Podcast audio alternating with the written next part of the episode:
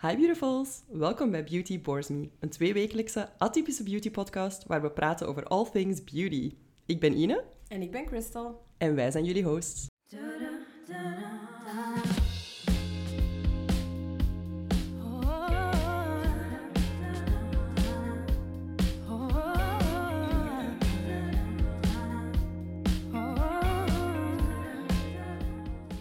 Hallo, hallo, welkom bij Beauty Bores Me.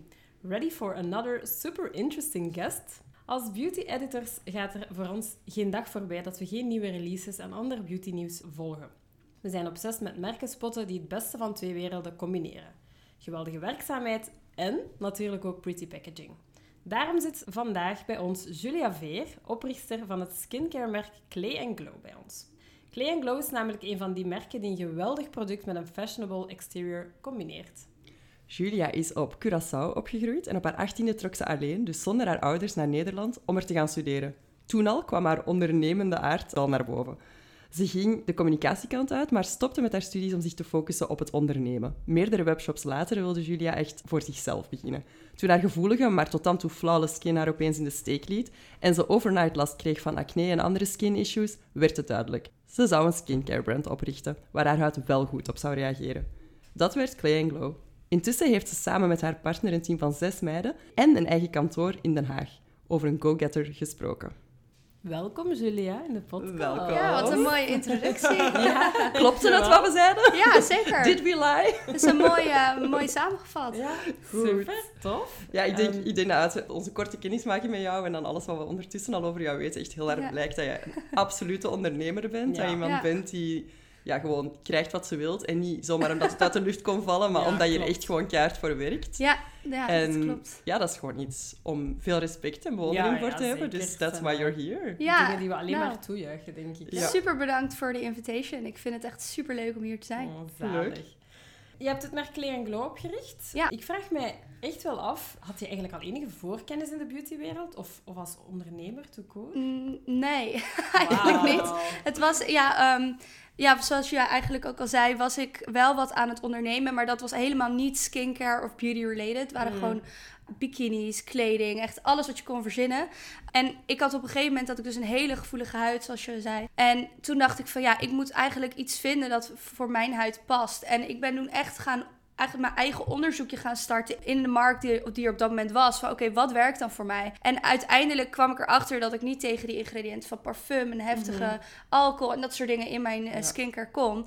Waardoor ik heel snel op de een beetje saaie, witte, groene packaging kwam. En toen Ja. dacht ik, ja, dit wil ik helemaal niet gebruiken, weet je. En toen met die mooie packaging die ook op Instagram overal voorbij is gekomen, daar had ik helemaal zin in om dat te gaan proberen en te Mhm. unboxen. En ja, er meteen een hele beauty night van te houden. Maar met die saaie potjes dacht ik van, ja, dit wil mijn huid wel. En hier reageert mijn huid goed op, maar ik word daar niet zo blij van.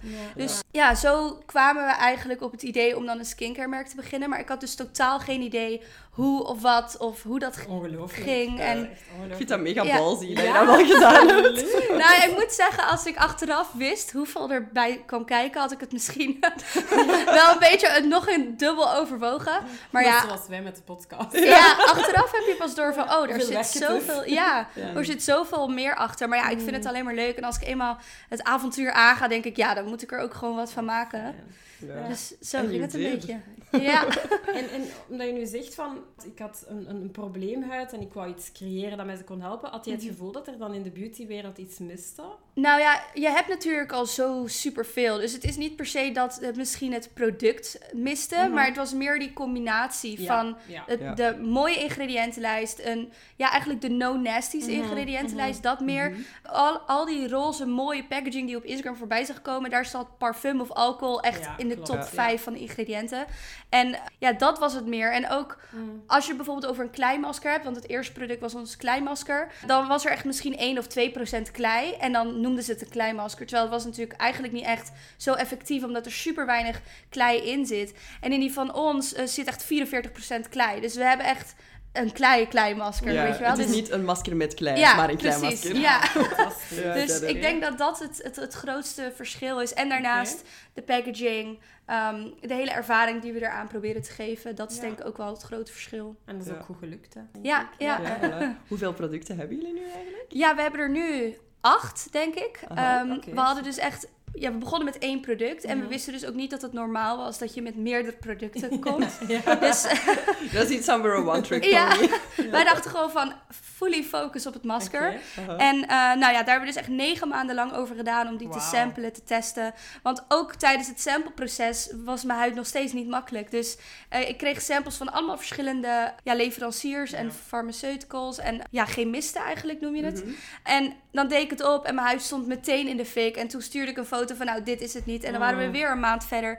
En wij deden niks anders dan wachten op samples. Dus wij werden op een gegeven moment helemaal gek. Van, waar blijven die samples nou? En hun hebben natuurlijk al genoeg te doen. Dus zij waren niet zo druk bezig met ons als dat wij met hun waren. Mhm. Dus eh, nou ja, dat duurde echt negen maanden lang. En toen hadden we eindelijk een product waar we blij mee waren. Hadden we het gelanceerd in mei 2019. En in juni kregen we meteen de vraag, ja, wat is het volgende product? En wij dachten echt, volgend product?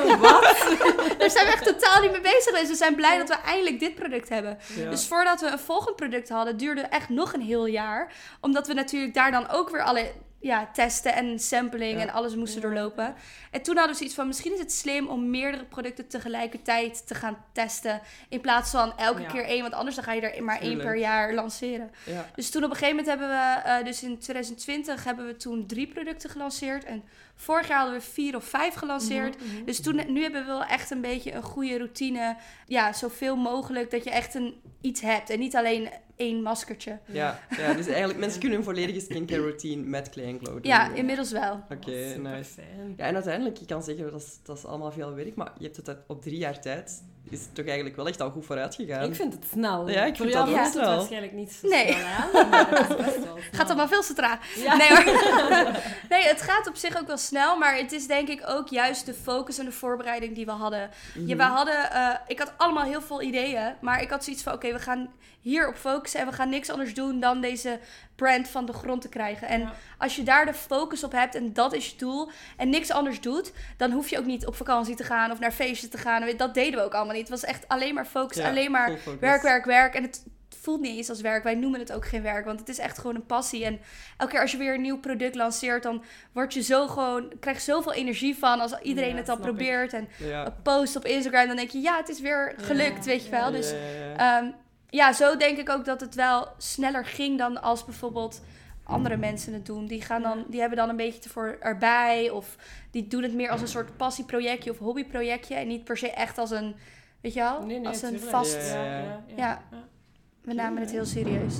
Oh, je zei daarnet al van, ja, we waren er al een hele tijd mee bezig en er komt heel veel bij kijken. Wat is eigenlijk stap 1 die je moet nemen als je een eigen merk wil oprichten? Google, denk ik.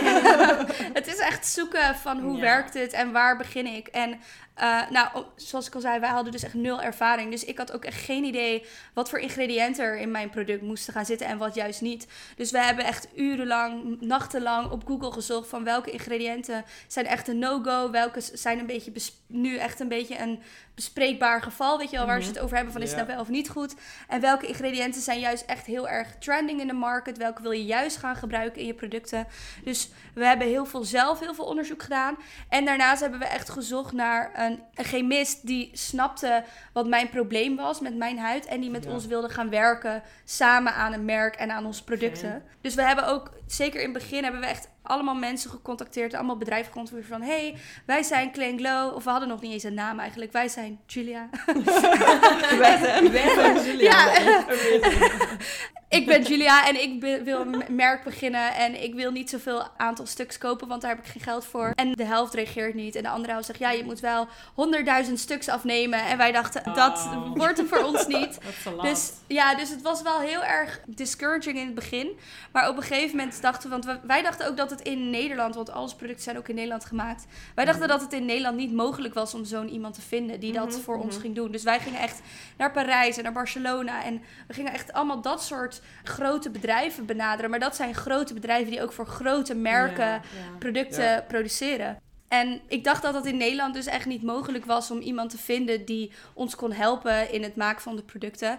Maar toen we dus bij die grote merken waren, waar ze echt heel veel aantal stuks nodig hadden, dachten we ja, we moeten juist in Nederland vinden. Mhm. En toen op een gegeven moment hebben we dus een, een chemist gevonden die 17 jaar ervaring heeft En hij zei, ja, dit vind ik een leuk project. Ik ga met jou samen kijken wat jouw huid wel en niet aan kan. En dan ga ik gewoon zorgen dat we mooie producten samen maken. En dat is eigenlijk wat we hebben gedaan. Ja, Dus eh, juist omdat hij zeg maar zo klein ook was en klein kon beginnen, konden we ook samen zo groeien. Zo, dat is eigenlijk stap 1. Veel googelen en eh, Ja, ja, ja. Ja, en wachten tot je de, tot de juiste match vindt eigenlijk Ja, met iemand die... personen, Ja, ja, ja. dat is eh, ook echt heel belangrijk. En vanaf wanneer, hè, want je bent nog niet zo lang bezig, vanaf wanneer had je echt door van oké, dit merk heeft wel echt potentieel om groot te worden? Ja, we can do Maar this. wat was, die, Hmm. Wat was dat moment voor jou? Nou, ehm, het is grappig, want ik had dus nooit echt dus ervaring in beauty. Of ik wist dus ook niet dat een Easy Paris of zo, dat dat mogelijk was om Ja. daar je producten te Ja. hebben. Maar toen had ik ergens een interview gelezen en toen zei iemand van ja, en mijn producten liggen, liggen bij de, deze Sephora. Toen dacht ik van, oh, dat wil ik ook. Wat is de. Sephora van Nederland en Ja. van België? Ja. Dus toen ging ik googlen en toen ging ik eh, Douglas, Bijenkorf, Easy Paris benaderen. Ja. Van, hé, hey, ik heb een Oh. mooi merk en jullie willen het ook hebben. En niemand reageerde daarop. Dus eh, ik had zoiets van, oké, ik ga nu gewoon eerst even goed aan het merk bouwen. En ja, werken aan een community. En dan komen ze vanzelf wel. Nou ja, dat Ja. zijn mijn partner vooral. Want ik had echt zoiets van, ik moet ze voor dit jaar, moeten we, samen, moeten we met ze samenwerken. In ieder geval met één. En mijn partner is iets van, doe nou maar rustig. Laten we eerst aan ons merk bouwen. En dan komen ze vanzelf wel. Ja. Dus toen dacht ik, nou, zo werkt het niet, maar oké, is goed. Weet je, een beetje zo. en toen een paar maanden later, toen eh, kregen we echt in dezelfde maand van Bijenkorf, Ispri en Douglas antwoord van... hey. We willen toch wel in gesprek. En toen dacht ik van, oh, dit is blijkbaar wel iets. Want als ze alle drie Ja. toch Mhm. wel samen willen werken, ja, dan is dat toch wel heel mooi. En toen hadden we Easy Paris hadden we eigenlijk als eerste contact mee. Dus toen hadden ze iets van, ja, toen zeiden we ook tegen Douglas van, ja, we zijn al in gesprek met Easy Paris. En eh, de Bijenkorf is ook weer een heel ander soort Ja, merk. En omdat Ja. tegelijkertijd toen hadden we zoiets van, ja, we gaan focussen op Easy Paris. En daar hebben we dus ook een exclusieve samenwerking mee. Dus. Ja. ja. daardoor bouwen we echt samen aan het merk en helpen zij daar Ja. ook heel goed bij. Ja. Ja. Wauw, mooi hè? Ja, inderdaad, heel fijn. Ik denk ook wel verstandig dat je je pijlen op één samenwerking richt, Ja, om het dan echt goed te kunnen doen. Ik denk dat heel veel mensen de fout zouden maken om alles. to branch out Ja. en alles te willen doen en daardoor net minder goed bezig Ja, zijn. Daardoor. Dus Ja. I think that's really Ja. smart. Ja, Je zegt heel vaak eh, we. ja. Eh, je vriend zit ook mee in de zaak, die hier trouwens ook zit. Yes. Ja. Ehm, hoe verdelen jullie die taken exact? En, en ook is het niet moeilijk om samen te werken als koppel? Wij zijn eigenlijk heel erg gewend om samen te werken. Mm. Omdat wij al, ja, dus het, vanaf het begin, het moment dat ik ondernam, deden we het eigenlijk al samen. Dus Ja. voor ons is het eigenlijk van, waarom zou je dat juist niet doen? Hoe kan je juist een relatie hebben zonder dat? Hoe Ja. saai is dat dan? Eh, weet je, dat is eigenlijk het enige waar wij... Nou, niet het enige, maar we krijgen daar echt heel veel energie Ja. uit. En dat houdt ons denk ik ook juist staan om lekker samen te groot te denken en te denken wat allemaal mogelijk is. Dus ik denk dat dat ja, juist wel heel eh, natuurlijk gaat. Ja. En ehm, hoe we het verdelen is wel fijn, want ik ben best wel van mezelf dat ik een leidende functie neem. Dus dat ik snel de leiding neem. En hij is heel makkelijk van, oké, als jij dat wil doen, doe jij het maar. En hij is juist meer dat hij dan een step back neemt. En juist meer vanaf een, een hoger oogpunt kan kijken naar dingen. Ja.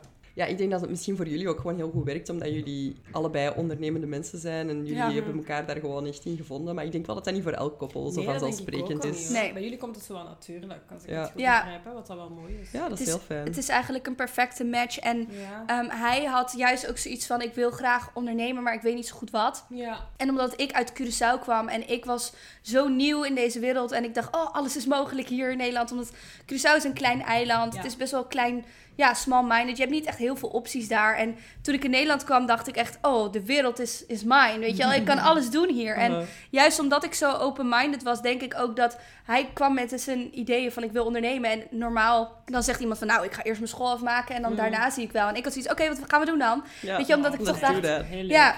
Dus ik denk dat eh, het eigenlijk allemaal perfect in elkaar viel. Ja, ja. Ja. Mooi. Ja, je leven voordat je ondernam heeft je eigenlijk perfect voorbereid om Ja. dit te doen. Ja, Je zei daarnet al van dat je eigenlijk met je merk begonnen bent omdat je zelf bepaalde huidproblemen had en, en Mhm. issues waar je aan wou werken en je vond niet meteen een goede oplossing of een satisfactory oplossing Ja. wat, wat betreft ook packaging en alles erop en eraan.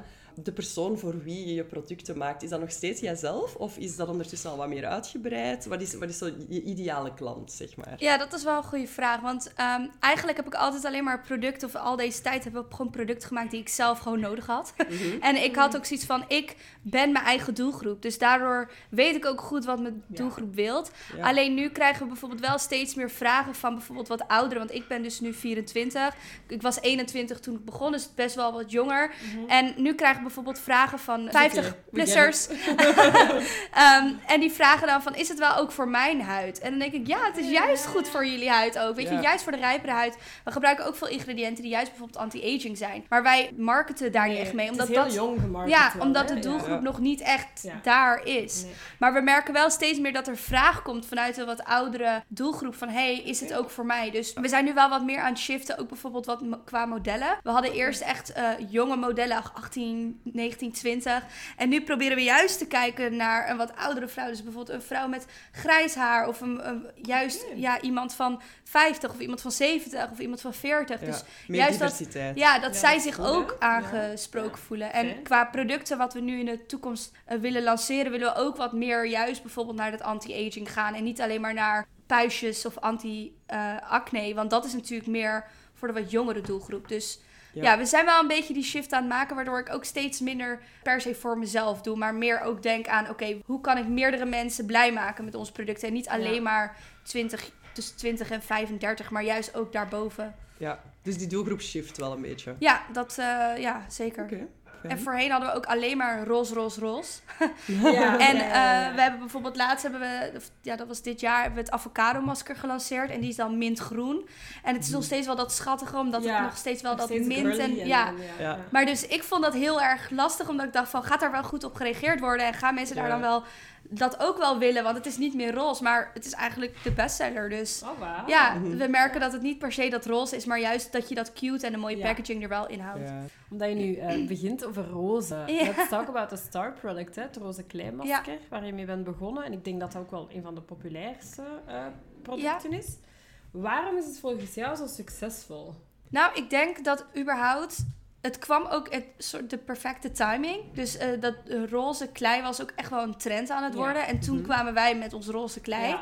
Dus ik denk dat dat het was. En het Mhm. was ook vernieuwend. Dus juist dat. eh, je hebt veel van die, van die peel-af, van die zwarte garkol Ja. maskers. Ja, ja, ja, En dat was echt een beetje de, ja, de traditional wa- way dat we kenden. En toen kwam er ineens een roze masker. Mhm. En toen dacht ineens iedereen van, oh wow, dat is gaaf. Mhm. En daarnaast denk ik dat de resultaten ook wel voor zich spreken. Want juist doordat het zo detoxifying is, zie je ook meteen resultaat. En dat is vaak met skincare is dat lastig. Dan moet je echt wel een paar maanden het goed Ja, blijven, constant waar. gebruiken voordat je echt iets ziet. Maar als je een roze kleimasker op doet, dat is zo detoxifying dat het echt zeg maar je poriën zo schoonmaakt. Dus dat je na, na gebruik voel je meteen al dat zachte, je zachte huid. En voel je al meteen van, oh mijn poriën zijn toch wat minder, wat minder vies of wat minder groot. En Mhm. ik denk dat dat ook wel goed, goed werkte. Ja. Maar het is juist heel grappig om te zien dat juist het roze kleimasker nu niet meer de main product ja, is. Ja, ja, dat het een beetje aan Ja. het Ja. is. Ja. Maar eh, omdat je zegt van, hè, het, het, het werkt heel goed, het roze kleimasker. Mhm. Wat zijn zo, naast de klei natuurlijk, zo nog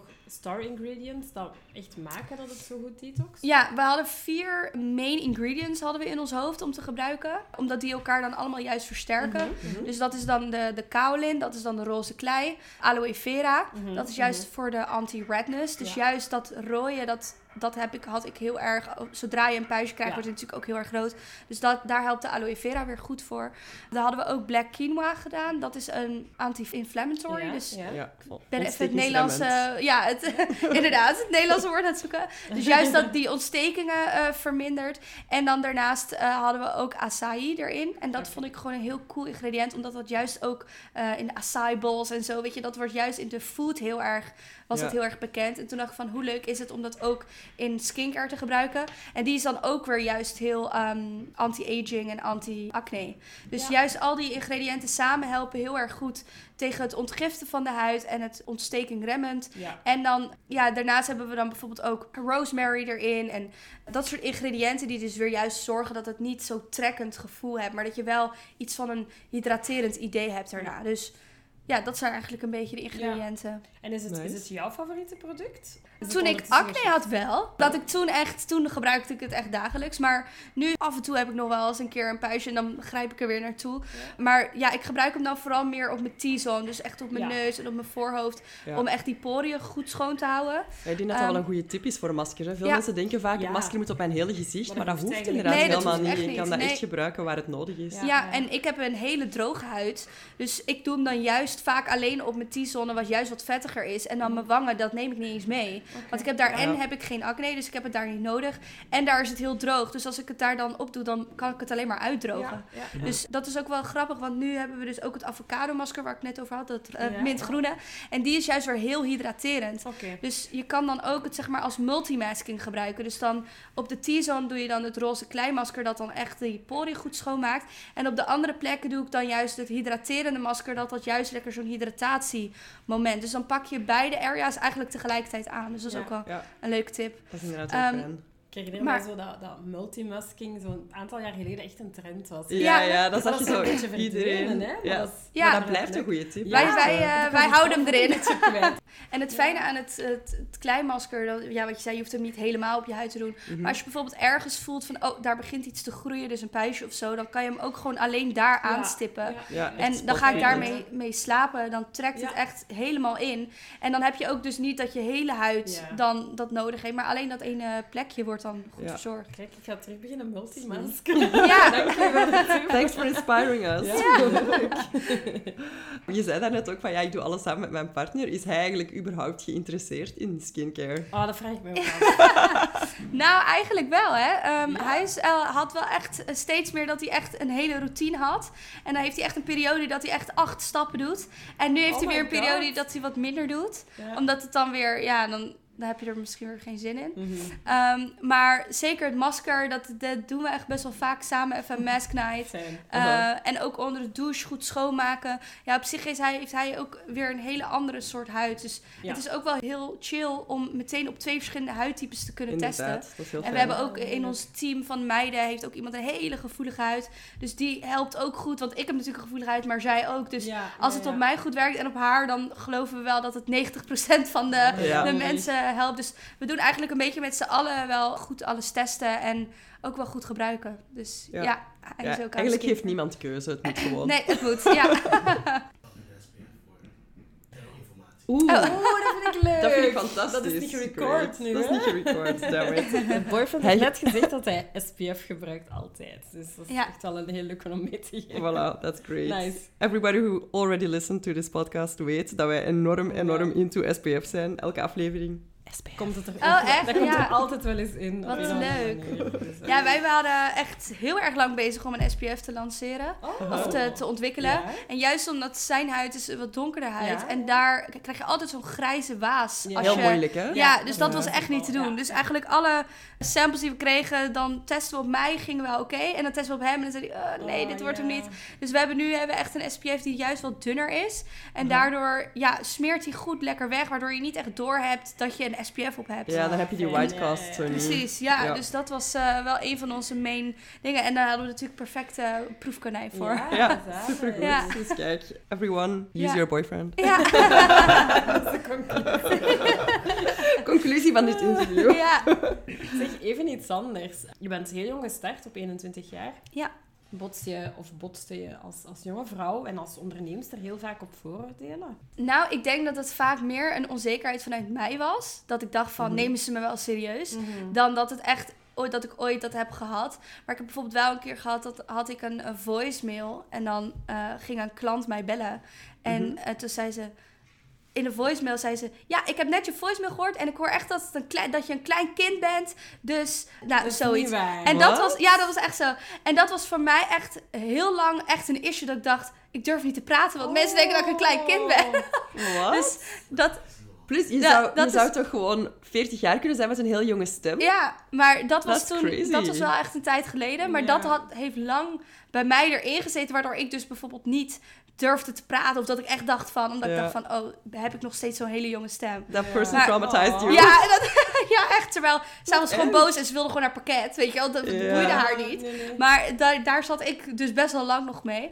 Uh, maar dat zijn dan hele kleine dingetjes. Maar voor de rest is het meer dat ik eigenlijk altijd zeg... Ja, want ik ben 21. En toen op een gegeven moment zei mijn vriend ook... Als jij heel de tijd dat als eerste zegt, dan word je ook zo gezien. Terwijl, Dat is wel een goede tip. ja, als iemand op een gegeven Ja. moment vraagt van hoe oud ben je eigenlijk... Dan Ja. is het meer van, oh ben je pas zo jong? Maar dat, je hoeft dat niet tegen iedereen te, van de daken te schreeuwen. Want dan ga je het meer als iets negatiefs zien. Ja, terwijl het ja. eigenlijk juist iets positiefs is. Dus Ja. ja, Ja, inderdaad. dat was een goede Mooi. tip. Maar voor de rest niet echt dat ik zoiets dat iemand me niet serieus nam of zo. Ja. Ja, minder dan we zouden verwachten eigenlijk. Eigenlijk is Ja. dat goed nieuws. Dat is goed nieuws, Ja. want ik had Ja. het erger verwacht dan of Ja, zo, voilà. denk ik. Nee, Ehm, valt ja. mee. Ik denk als je merk voor zich spreekt. Ja. En dat was ook in het begin zeker. Heb ik niet mijzelf op de voorgrond gezet van kijk, ik begin dit merk. Maar eerst heb ik het merk laten praten. En dan, als ik dan erachter sta, dan is het van oh, ik wist niet eens als je zo jong was, wat leuk. Maar als je eerst zegt van hé, hey, ik ben heel jong en dit is mijn merk. Ik denk dat dat het ook is. Dus dat je eerst een beetje op de achtergrond houdt. En dan laat je zien wat het merk is en wat het kan en wat het doet. En dan, ja, dan praat dat al voor zich. Dus dan maakt het echt niet uit of je 18 Ja. of 58 bent. Dat is heel slim. Ja, Goed aangepakt. Ja, dus waarschijnlijk heb je het ook gewoon zelf een beetje mee in de hand gewerkt. Dat, dat de vooroordelen best Ja. miniem zijn gebleven, Ja. omdat je Ja. het gewoon... niet van de Goed hebt aangepakt. schreeuwt. Ja, inderdaad. Voilà. Er zijn natuurlijk echt wel vaker merken die opkomen en veel mensen beginnen met dingen. En heb je het gevoel dat, dat jouw merk differentiërend genoeg is in vergelijking met andere merken? Of hoe weet je dat zeker? Wat zijn daar ja, zo wat je bedenkingen Mm. bij? Maakt je dat onzeker? Dat is eigenlijk mijn vraag.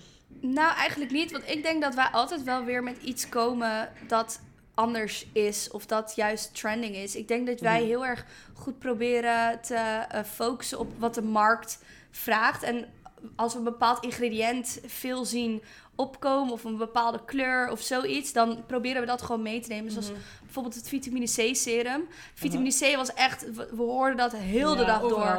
Dus toen wij eh, een serum, toen dachten we, ja, dat moet een vitamine C serum zijn. Dus we proberen juist daarin juist met die trends mee te gaan. En ik denk ook doordat we juist een beetje een, een community hebben gebouwd, is het vaak ook dat ik nu denk van, stel ik zou hier ineens mee stoppen, dan zou ik niet alleen mezelf daarmee helpen, maar er zijn ook heel veel mensen die inmiddels relyen op onze producten, weet je wel? En dat houdt mij, mooi.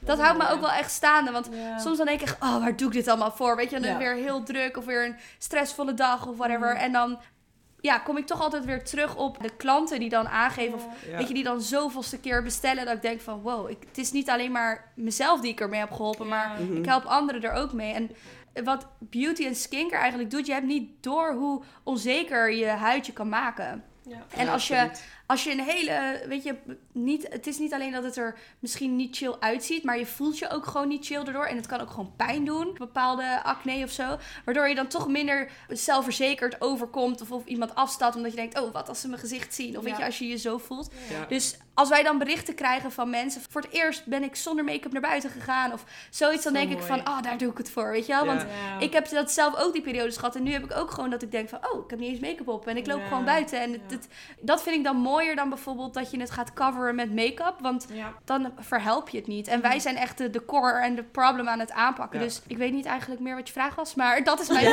hebt ze beantwoord. Je hebt ze beantwoord. Ja, dat is mooi beantwoord. Eigenlijk heb je gewoon het gevoel dat je een verantwoordelijkheid hebt tegenover je Ja. klanten ook. Ja, ja. Waardoor dat je dat automatisch zelfvertrouwen geeft op momenten dat je het gevoel hebt van Ja. ah, I Mhm. don't feel it anymore of wat een zware dag. Dan heb je zoiets van oké, I'm doing this not only for me, maar Ja, voor iedereen. En Inderdaad. daardoor weet Ja. je ook gewoon dat andere merken kunnen komen. Ja. Maar ze gaan niet in jouw niche zitten, want jij hebt je publiek opgebouwd. En het is heel grappig, want zeker mijn ouders bijvoorbeeld, die zeiden: Ja, heb je wel de recepturen allemaal ingelokt en secret, een patent opgezet? Ja, ja. En ik zeg, mam, iemand kan precies mijn product nadoen. Het precies dezelfde packaging, maar ze komen toch niet waar ik ben. Want ik heb die achterban. En zeker in de skincare is het zo dat als iemand eenmaal één product of één merk gebruikt, dan vertrouw je gewoon dat dat product en dat merk goed is. Dus Ja. er zijn dan tien andere, maar ik gebruik liever deze moisturizer dan die tien andere moisturizers. Ja, en mijn moisturizer was ook niet de eerste op de markt, weet je wel. En eh, er gaan er nog honderdduizenden komen. Maar ik denk ook juist het, het verhaal erachter, het merk daarachter en de community die we ermee bouwen. En ik denk ook heel erg meebewegen met, met de markt. Want Mhm. bijvoorbeeld hoe we toen de tijd begonnen en wat voor foto's we toen op Instagram posten, is totaal anders dan nu. Nu merken we Ja. dat bijvoorbeeld video steeds meer een ding wordt. Ja. Nou, Mhm. Ja. We kunnen blijven hangen in de foto's omdat we dat al die tijd al deden. Maar zo zijn wij niet. Wij denken van oké, wat kunnen we doen? Wat voor mooie video's kunnen we er dan gaan Ja. maken in plaats van dat we fotocontent doen. Dus nou, dat is Ja. even een, een random voorbeeld van juist Ja. mee proberen te bewegen om relevant Ja. te blijven. Constante evolutie eigenlijk. Ja, Maar Ja. ik, vind het, ik vind dat wel een goede tip dat je meegeeft van die, die community building. Want ik denk dat er veel vrouwen of, of ja, mannen of whatever bang zijn om... om Beginnende om- om- ondernemers. ja, beginnende Ja. ondernemers om op te starten. Gewoon van, oh, en er is al zoveel. Ja. Of het nu een beautymerk is of iets Wat is anders. mijn niche? Wat is mijn niche Ja. en dat gaat nooit niet aanstaan, maar er is niemand zoals jou. En de community daarbij kan opbouwen, dat is priceless. En dat is echt heel veel werk. Want in het Ja, begin ja. zeker, wij zaten van ochtend tot avond op Instagram Ja. Direct contact te hebben met de klanten. Dus wij gingen echt, als er om iemand om vijf uur bestelde, gingen wij nog snel inpakken en snel, want half zes Oh, ging het wauw. kantoor dicht. En Ja. toen dachten we, en toen zei, zei mijn partner ook van, als we nu rennen voor hun, dan rennen zij straks voor ons. Ja, Ja, weet je dat wel, is en-. En, en juist die persoonlijke touch en dan een, een handgeschreven kaartje Ja. erbij of Mhm. een leuke foto erbij. Nu ook als iemand voor de 15e of 25e keer bestelt, eh, doen we er een gratis product bij. Weet je van, Ja. hey bedankt, Ja, je hebt al zo vaak besteld. En juist die persoonlijke touch. En daar ook niet te goed voor voelen, weet je wel. Want dat Ja, is ja. vaak ook... Ja, Als je eenmaal door een bepaalde fase heen bent en je pakt zelf je pakketjes niet meer in en je hoeft zelf niet meer, dan gaan heel vaak mensen achteroverleunen en denken van, Mhm. Oh, nou, dat is mijn werk niet meer. Dat hoef ik niet te doen. Dat doet een stagiair of een, een medewerker wel. Maar zij gaan nooit zo hard rennen en vechten als dat het jij voor je merk doet. Dus Tuurlijk. het is ook een constantheid die je moet blijven doen. Weet je, het is Mhm. niet, oh, ik doe nu even een halfjaartje, even hard mijn best en daarna kan ik eh, op Nee, een eiland nee, gaan chillen of zo. Het is juist dat constante en ja, in contact blijven met eh, de doelgroep, denk ik. Ja, ja, je bent nooit te goed om Nee, contact te hebben met mensen, om met je klanten te ja. converseren. Om... Jezelf. Nee, voilà. Dus je ego. mag nooit, mag Nee, nooit in de weg nee, staan van alles wat je doet, hoe bekend je ook wordt. Daar ben ik het helemaal mee eens. Je praat heel vaak over van je community en dat jullie de markt heel goed in zo houden. Maar Mhm. jullie verkopen nu eigenlijk zowel op de Nederlandse als op de Belgische markt. Voel Ja. je daar grote verschillen in? Ja, nou eigenlijk wel. Ik had dus echt verwacht dat België lekker mee zou vloeien met de Nederlanders. En op Mhm. zich hebben we al die tijd ook niet echt de focus gehad per se op, op groeien naar andere landen of zo. Omdat wij zoiets hadden van, we willen gewoon echt focussen op één ding. Alleen ja, toen kwam België best wel, of, of de Belgen best wel leuk af en toe meekijken. En toen dachten we van, oh eigenlijk is België ook best wel een interessante markt. Omdat dat natuurlijk ook een makkelijke ingang of Mhm. snellere ingang Tuurlijk. richting bijvoorbeeld Frankrijk is. Eh, België was wel altijd op onze radar, maar we hadden nooit echt de focus erop. Totdat we vorig jaar dus ook in de IC Paris in België en Luxemburg stonden. En toen Ja. dachten we van ja, we moeten ook gewoon België als een serieuze markt zien. Dus toen zijn we ook wel echt gefocust op België. Hebben we daar hier, hier ook een marketingbureau gevonden. En we merken toch wel dat Belgen toch wat minder makkelijk overstappen op skincare. Er zijn best wel Ja, loyale klopt, klanten. ja. Ja. Ehm, en ik doe ook heel veel onderzoek en ik, ik kijk ook veel op internet van wat is het verschil tussen de Nederlanders en de Belgen. Ja. En ja, de Belgen zijn, als ze eenmaal op een merk zitten, gaan ze veel minder makkelijk even iets anders proberen. Ja. En Nederlanders zijn daar toch wat meer van, nou, ik heb deze nu op, wat voor leuks is er nog meer in de markt? Of wat is... Ja. Wat Ja, kan ons ik moet nog je echt overtuigen. Ja, precies. Het voordeel is dan wel, eens je ons in de pocket Ja. hebt, we're there forever. Ja, dat is yours. het. Ja, dus dat is het. Van het kost wat tijd. En ik ben een heel ongeduldig persoon. Dus Oh, die tijd, dat, dat, dat heb ik niet. Ja. Maar ik heb het wel, want ja, ik, ja, ik ben toch lekker bezig. Dus ik ja. heb ook niet heel veel haast of zo ermee. Maar ik vind het wel heel erg leuk om te zien eh, dat dat toch wel wat anders is. En ik zie het ook wel weer als een uitdaging van, nou, eh, België is next. Die, Ja, die moeten we gewoon ook eh, fan maken. En ja, dan is het toch ook weer een soort humbleness. Of weer terug naar het begin van wat deden we toen in het begin in Nederland. En dat doen we nu ook in België. Weet je wel, Mhm. juist dat eh, community building en, en juist dat soort eh, dingen vinden we dan heel belangrijk om dat ook in België te zien. En we proberen ook echt België als op zichzelf te zien en niet, oh, dit is even Nederland erbij. Nee, het is maar dan, wel compleet. ja, Ja, ik denk inderdaad. wel dat dat belangrijk is, Ik denk dat we inderdaad. dat Ja. ook wel merkten bij, bij Kulkers Magazine in de tijd. Het is een compleet ander Ja. publiek gewoon. Ja, dat is ook Ja. zo. Waar je echt ook anders op moet inspelen. En, en Ja. Het Ja, is de- meer werk natuurlijk. Hè? Ja, Ja, ja, maar dat is ja. echt. En in, in Nederland is het ook een influencer bijvoorbeeld. Wij hebben heel Ja. veel influencers. Ja, ja. Mhm. Ehm, en die kan je best wel makkelijk voor je winnen als merk zijn. Mhm. Weet je, je, wij sturen wat producten op. Ze proberen het, ze gebruiken het, ze posten erover. En dan zeggen van, hé, hey, je vindt onze producten leuk. Wij vinden jou leuk. Laten we wat leuks doen samen. Mhm. En in België is dat zo anders. En eh, de consumenten, die kopen ook minder snel door influencers Ja, in België. klopt. Dat is op in een België. andere manier. Ja. dat is echt Maar ik had niet verwacht dat, dat daar een verschil in zou zitten. Mhm. Maar ik vind dat juist eigenlijk wel goed. Want zo ben je ook, ja, wat je zegt, van als je eenmaal iemand hebt, dan zijn ze ook echt loyaal naar je merk toe. En dan heb je ook echt wel meer een community. En dat, ja, daar gaan we gewoon voor. Mhm. Mhm. behalve je eigen producten gebruik je soms ook nog andere dingen? Heb je een heel uitgebreide beauty routine? Hoe is het met je Mm. huid tegenwoordig gesteld? All those things. Nou, ik durf eigenlijk niet zo snel andere merken te gebruiken, omdat mijn huid nog steeds gewoon super gevoelig is. Oké. Dus ik krijg soms wel wat dingetjes of zo. Weet je, we waren laatst ook op een eh beautydag en dan krijg je zo'n goodie bag en dan geven wij goodie bag naar hun. En, en ik geef hem dan maar gewoon door aan mijn moeder van kijk maar wat je ermee doet. Maar Ja. ik, Ja, ik blijf toch niet. liever bij mijn eigen producten. Om terug op het ondernemen te gaan, als je drie tips zou kunnen meegeven aan vrouwen die bijvoorbeeld ook een beautymerk zouden willen uit de grond stampen, of een soort van beautyconcept, wat zouden nu drie tips dan zijn? Hmm. Mogen meer ook zijn natuurlijk. Maar Nou, heb je even? het eerste wat in me opkomt is geloven in jezelf en in je Hmm. idee. Want ook toen wij begonnen met, met ons merk, toen nam niemand ons serieus. Ja. En ik, daardoor ging het ook juist niet per se delen met iedereen. Omdat ik dacht, ja, jij snapt het toch niet. Dus je moet ook een beetje jezelf beschermen daarin. En als jij weet, zeker weet dat het lukt, dan ga je ook alles ervoor doen. En ehm, nou, zo ben ik gewoon, als ik ergens aan begin, wil ik het gewoon afmaken. Dus Ja. dat zou ook denk ik een, een tip zijn van, als je er eenmaal aan begint. Wij hebben ook wekenlang bijna geen orders gehad. Ja. En dan zaten wij ook elkaar aan te kijken van, wat Ja. moeten we nu in godsnaam gaan doen om te Mhm. zorgen dat er iemand iets gaat bestellen? Wij hadden onze website live gezet.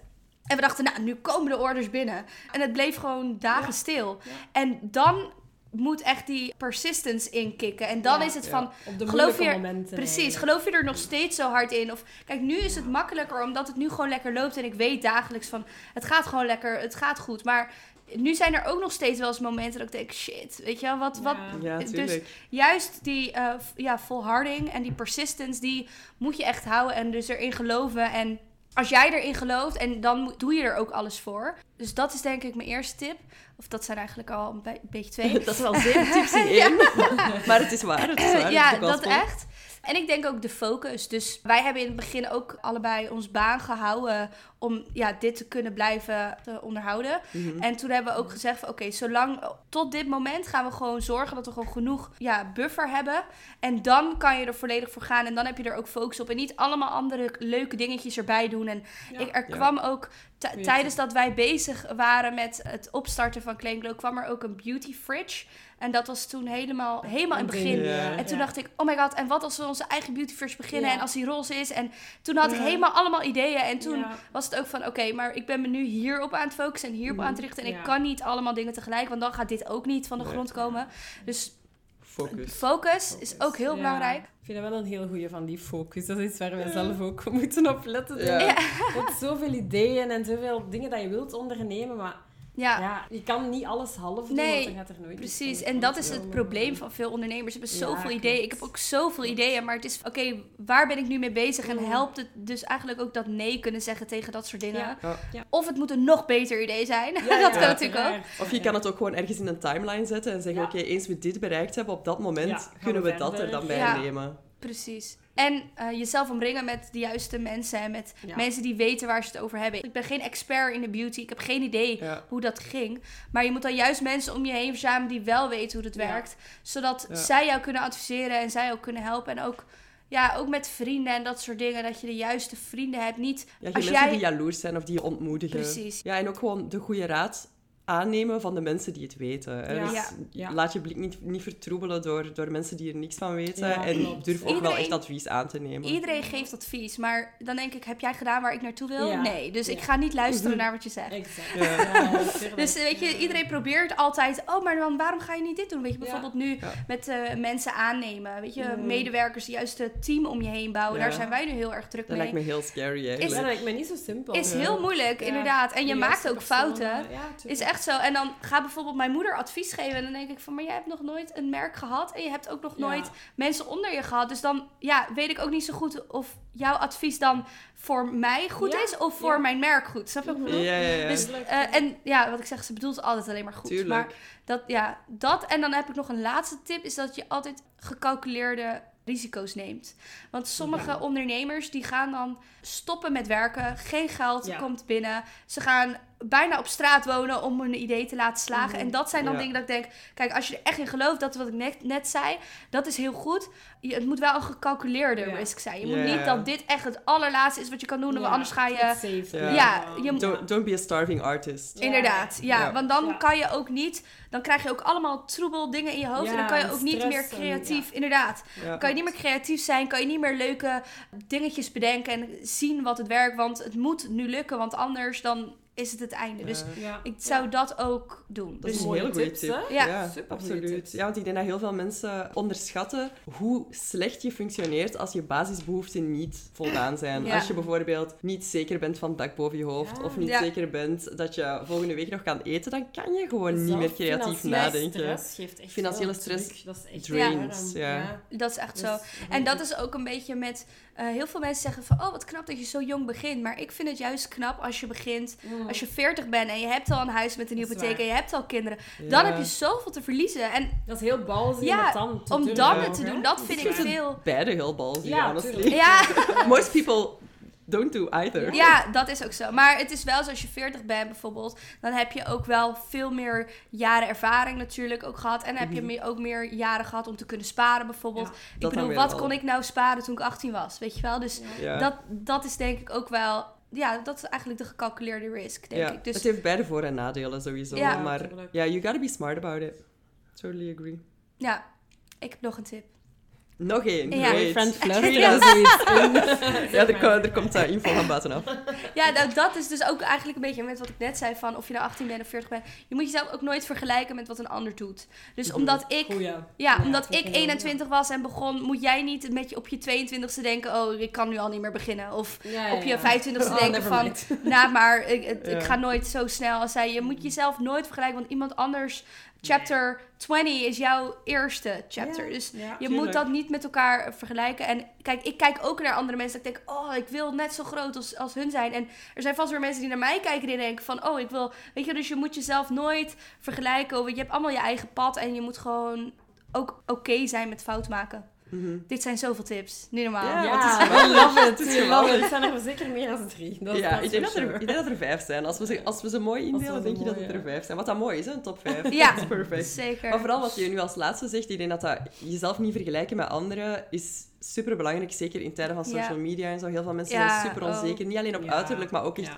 de achievements van andere Ja, mensen lijken dat zoveel is indrukwekkender het dan die enige van wat jezelf. Instagram laat zien Ze ook, zijn hè? zo verbloemd ook allemaal. Dat is zo, vergelijk niet uw doorsnee dag met iemand anders zijn absolute win. Nee, Nee. Dat is gewoon niet, dat is niet eerlijk tegenover jezelf. Nee. Maar je zei daarnet ook van, er zijn ook mensen waar ik naar opkijk. Mogen wij weten wie dat, dat zijn?